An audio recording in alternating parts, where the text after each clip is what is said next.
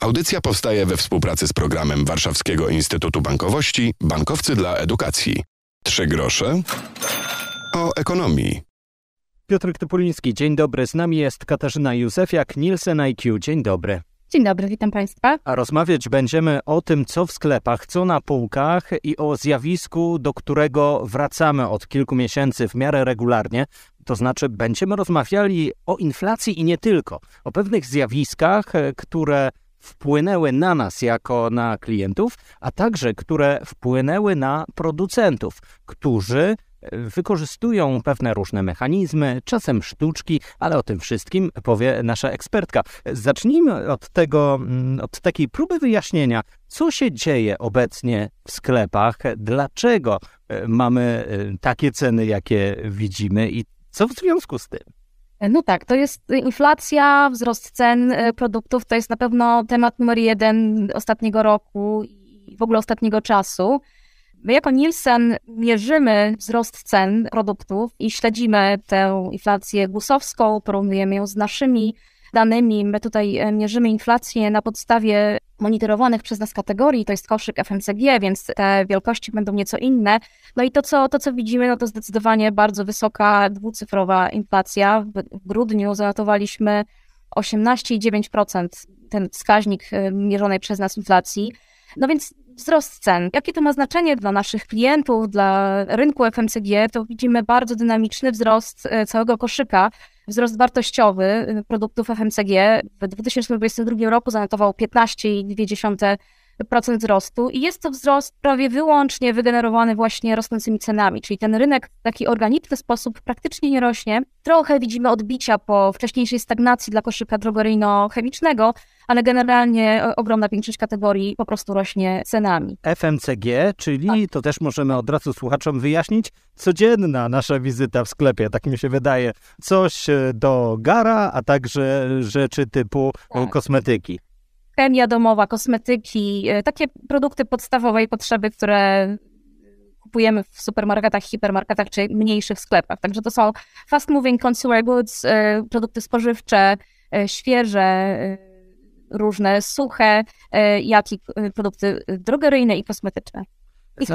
I, I zastanawiam się, mm, co zrobi człowiek, który nie może zrezygnować z tego typu produktów, a może tak, nie, jeszcze, nie Kontynuując właśnie tak. ten temat, no to zdecydowanie te wzrosty cen przekładają się na negatywne nastroje konsumenckie. To, co widzimy, to 87% wskazań największych obaw i rosnących obaw naszych badanych shopperów to ma podłoże ekonomiczne czyli rosnące ceny i koszty życia, więc to przekłada się zdecydowanie na takie negatywne nastroje konsumentów. Konsumenci wprost deklarują ograniczone budżety i to, że poszukują najniższych cen i wchodzą do sklepu z ograniczonym już budżetem. Także to y, ma no, bardzo, bardzo duże przełożenie właśnie na to, jak zachowujemy się w sklepach, jakie sprzedaże notują sklepy. Ten czas inflacji to nie jest jakieś wyzwanie y, krótkie. Jesteśmy po wcześniejszym czasie pandemii, spowolnienia gospodarczego. To jest właściwie już trzeci rok takich y, różnych wyzwań, które tutaj mamy.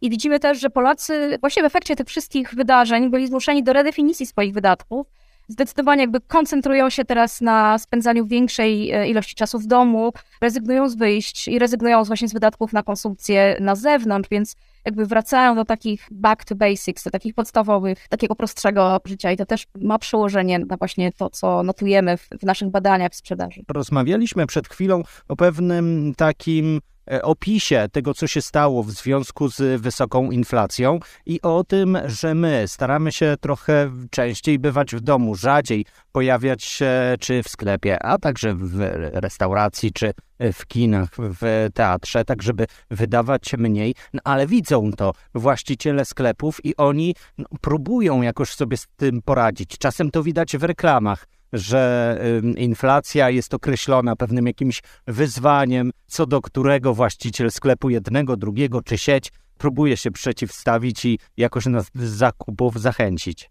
Te wzrosty cen y, surowców, y, które obserwujemy, inflacja jest y, dużym wyzwaniem, stanowi dużą presję zarówno na marże producentów, jak i detalistów.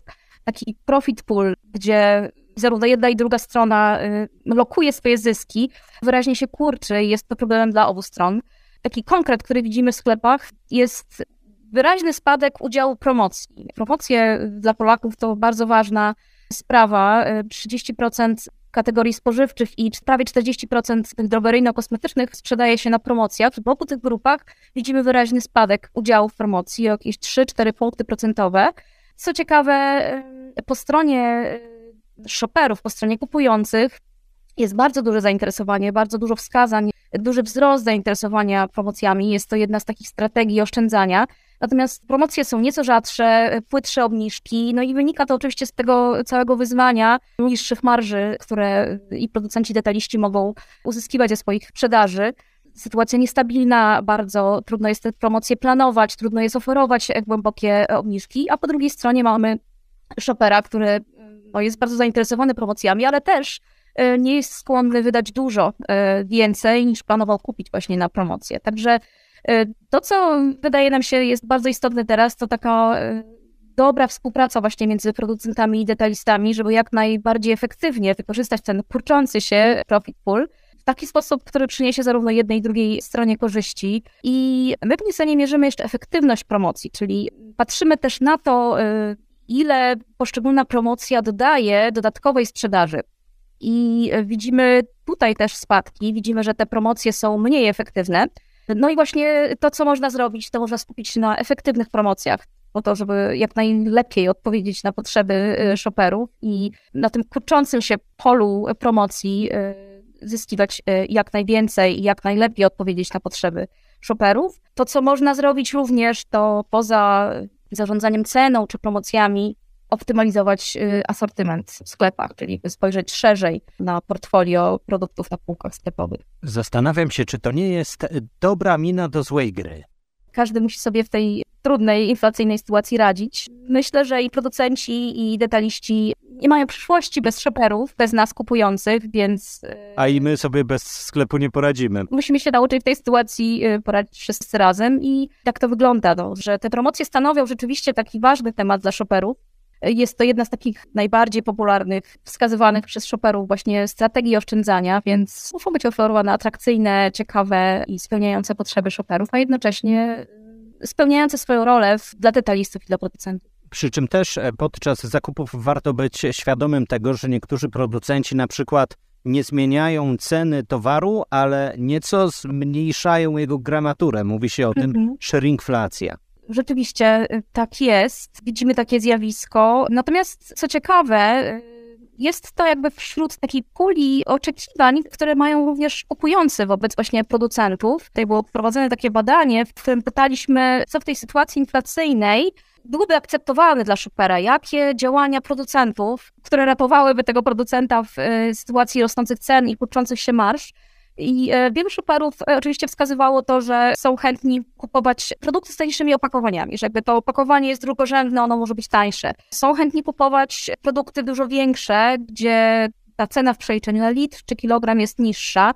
Są nawet skłonni zaakceptować zmianę formuły produktu, czyli użycie jakichś tańszych składników po to, żeby tę cenę obniżyć. A co ciekawe, również downsizing, czyli właśnie sprzedawanie produktów w mniejszej gramaturze tej samej lub nieco wyższej cenie jest jednym z akceptowanych przez shopperów zabiegów, czyli mniejsze opakowania za mniejszą tą cenę out of pocket albo mniejsze opakowanie za tą samą cenę, więc takie postawy i otwartość na takie zabiegi również wśród shopperów widzimy. Za chwilę wrócimy do naszej rozmowy i myślę, że warto podczas kolejnych zakupów bardziej świadomym być i uważniej nieco czytać ceny, które mamy na półkach, zwłaszcza, że ten przelicznik na litr czy na kilogram jest bardzo powszechny, to tym bardziej przyda się czasem matma. Rozmawiamy o pewnych naszych zachowaniach w sklepach, o trendach, które wywołała nieco sytuacja e, związana z wysoką inflacją, która pojawiła się już jakiś czas temu. Niestety to nie jest zjawisko, które zniknie z miesiąca na miesiąc czy z półrocza na półrocze, choć chcielibyśmy, by e, za niższymi stawkami, e, liczbami dotyczącymi E, inflacji szły też niższe ceny, no ale niestety jest to pewna baśń, której możemy opowiadać. Z nami Katarzyna Józefiak, Nielsen IQ. Rozmawiamy o sklepach i chcę zapytać o to, co może się wydarzyć właśnie w tej niedalekiej przyszłości. Bo przynajmniej z tego, co na razie słyszę, jest tak, że producenci się dostosowują, klienci też muszą i w związku z tym to tak jest. A co może być za chwilę? Też wyglądamy w tę przyszłość i, i tak jak wszyscy jesteśmy ciekawi, jak cały rynek będzie się rozwijał, posługując się tymi naszymi e, notowaniami e, wzrostów cen produktów, z listopada 19,6% na 18,9%, e, czyli delikatnie w dół w grudniu. Więc spodziewamy się spowolnienia inflacji w jakimś okresie, ale nie znaczy to, że te ceny będą niższe. Raczej spodziewamy się, że przez długi czas utrzymane zostaną wyższe ceny produktów, nadal pozostaną wyższe ceny energii i kosztów wytworzenia produktów. W związku z tym no, myślimy też o tym, że te zachowawcze i takie bardzo pragmatyczne zachowania shopperów w czasie globalnej recesji się utrzymają. Widzimy też przewartościowanie priorytetów, o których mówiłam też. Jesteśmy bardziej skłonni teraz cenić takie rzeczy jak relacje, jak właśnie to, to nasze życie domowe, wellness, czyli taki dobrostan zarówno psychiczny, jak i fizyczny. I to wszystko wpływa na e, zachowania konsumenckie, rosnące preferencje produktów lokalnych, czy tych takich affordable, w niższej cenie poszukiwanie właśnie tych oszczędności w promocjach, zwrócenie się ku markom własnym, ku markom tańszym, ale też takie rzeczy jak przyjazność środowisku, y, zrównoważony rozwój. Widzimy też taki nowy trend less is more, czyli taki minimalizm. Y, to trochę taki wspólny mianownik między naszą sytuacją ekonomiczną, a, a właśnie takimi ekologicznymi postawami, czyli kupujemy mniej, y, przynajmniej tak deklarujemy, kupujemy najpotrzebniejsze rzeczy, ograniczamy też częstotliwość zakupów po to, żeby lepiej kontrolować nasze wydatki, wyrzucać mniej.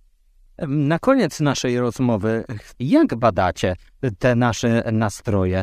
Zaglądacie nam do koszy, wypytujecie, co wybraliśmy, a dlaczego czegoś nie? Tak, no ja jestem tutaj specjalistką bardziej od takich twardych badań sprzedaży, czyli właśnie kwestie promocji, kwestie elastyczności cenowej, czyli jak reagują wolumeny sprzedaży mojej marki na wzrosty cen, jakie dodatkowe sprzedaże przynoszą promocje, jak są efektywne, jak najlepiej je przeprowadzać, aby, aby właśnie przyniosły zamierzany efekt. To jest mój obszar, moja działka. My jako Nielsen monitorujemy też sprzedaż, więc mamy te wszystkie twarde liczby na temat tego, co się sprzedało w różnych kanałach sprzedaży, właśnie w tych koszykach spożywczych i, i chemicznym. I mamy oczywiście też badania shopperowe i tutaj rzeczywiście pytamy konsumentów, pytamy shopperów, jak oni widzą świat, jakie decyzje podejmują, w jaki sposób, czego się spodziewają. Nielsen IQ to jest e, firma, którą dziś reprezentuje Katarzyna Józefiak w naszej audycji. Dziękuję za tę rozmowę, za te wyjaśnienia. Bardzo dziękuję.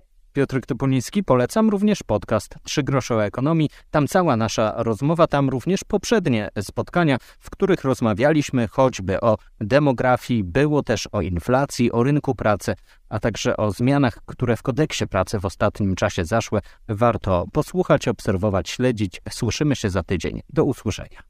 Audycja powstaje we współpracy z programem Warszawskiego Instytutu Bankowości Bankowcy dla Edukacji.